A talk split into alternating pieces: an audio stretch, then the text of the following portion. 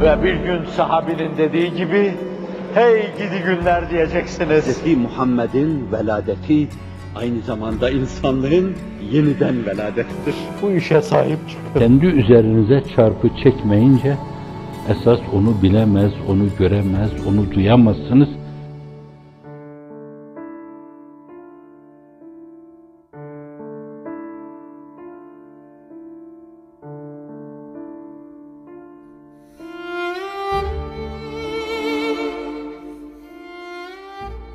Müslümanlığı bilmiyorlardı. Ama bir gün dünyanın bir yerinde şayet nifak geçerli bir madde olsa, mesela başkalarını aldatma, kandırma, olmadığın gibi görünme. Bu defa işin serkarları o argümanı değerlendirirler. Bir yerde toplumda az buçuk İslami duygular gelişmişse, şöyle böyle camilerde cemaatin sayısı artmışsa bir zaman artmıştı. Şimdi azalıyor. 140'tan 120'lere düşmüş diyorlar. Uyuşturucu da ilk mektep talebelerine kadar inmiş diyorlar. Fakat o his sönmemiştir. O uyuşturucuyu kullanmış, yerde kıvrım kıvrım kıvranan insana sorsa ben Müslümanım der yine.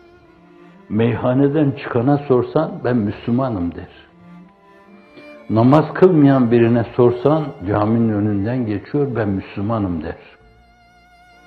Bu duygu değer kazandırdığından dolayı bazıları bir dönemde sahip ve sermaye değerlendirilip Avrupa'da asırlarca sosyal mücadelelerin arkasında bu vardı.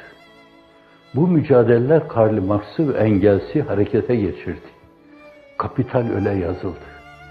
Ve bunu daha sonrakiler yine sahip ve sermaye meselesi olarak değerlendirdiler. Bir gün Müslümanlık bir yönüyle şeklen, sureten herkesin benimsediği bir şeyse şayet bu defa onlar hedeflerine ulaşmak için makyavelistler. Münafıklar da denebilir. Böyleleri münafıktır zaten. Ve münafık kafirden daha şiddetlidir. Ve Bunların bu yaptıkları nifaka dini kılıflar bulan, kalıplar bulan, mesela rüşvete hediye diyen, mesela iftira etmeye, buhtanda bulunmaya el harbu hut'atun diyen, bu bir savaştır, savaşta da esas ayak oyunu caizdir falan diyen insanlar, onların küfrüne iştirak ediyor demektir. Cenaze namazları kılınmaz onlara el açıp mezarlarının başında, musallanın başında dua etseniz, öbür tarafta Allah size hesabını sorar. İlahiyatçı da olsa, imam da olsa, müezzin de olsa, Diyanet İşleri Başkanı da olsa Allah hesabını sorar. Neden? Çünkü münafıkın rüşvetine sen hediye dedin. Yalanına hud'a dedin. Aldatmasına ayak oyunu onun. El harbu hud'atun dedin. Bir yönüyle haramı gayri meşruyu makyavelist bir mülahazayla meşru göstermek suretiyle sen o sürülerin kafalarını bozdun. Bilmem neyin arkasından sürüklenip giden koyun sürüsü gibi arkasından sürüklenip gittiler. Evet, yalan raiç, hıyanet mültezem, her yerde hak meçhul.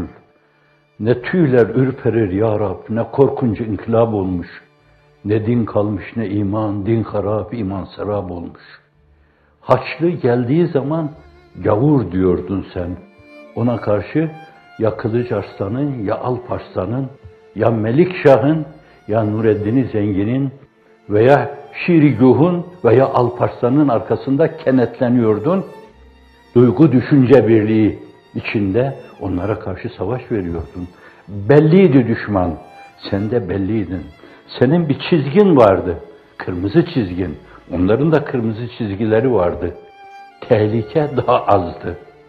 Ve aynı zamanda onlar günümüzün bazı münafıklarının yaptığı gibi karıyı kocadan ayırmıyorlardı. Evladı annesinden babasından ayırmıyorlardı. Yuvaları yetim bırakmıyorlardı hiçbir şeyden haber olmayan masum insanlar çok küçük nispetlere bağlanarak aynı telefon sistemini kullanmışsın diye zulme maruz kalma. İnanın ne Arslan Yürekli Rişar, ne Topal Filip, ne Frederick Barbaros bu türlü zulümler irtikab etmediler. Öyle zulümler irtikab edildi ki hafizan Allah, Ebu Cehil yapmamıştı bunu. Amnofis yapmamıştı bunu. Bunları Müslüman bilerek arkalarından gitme, hafizan Allah öbür tarafta kafirlerle haşr neşr olma gibi bir şey getirirsiniz.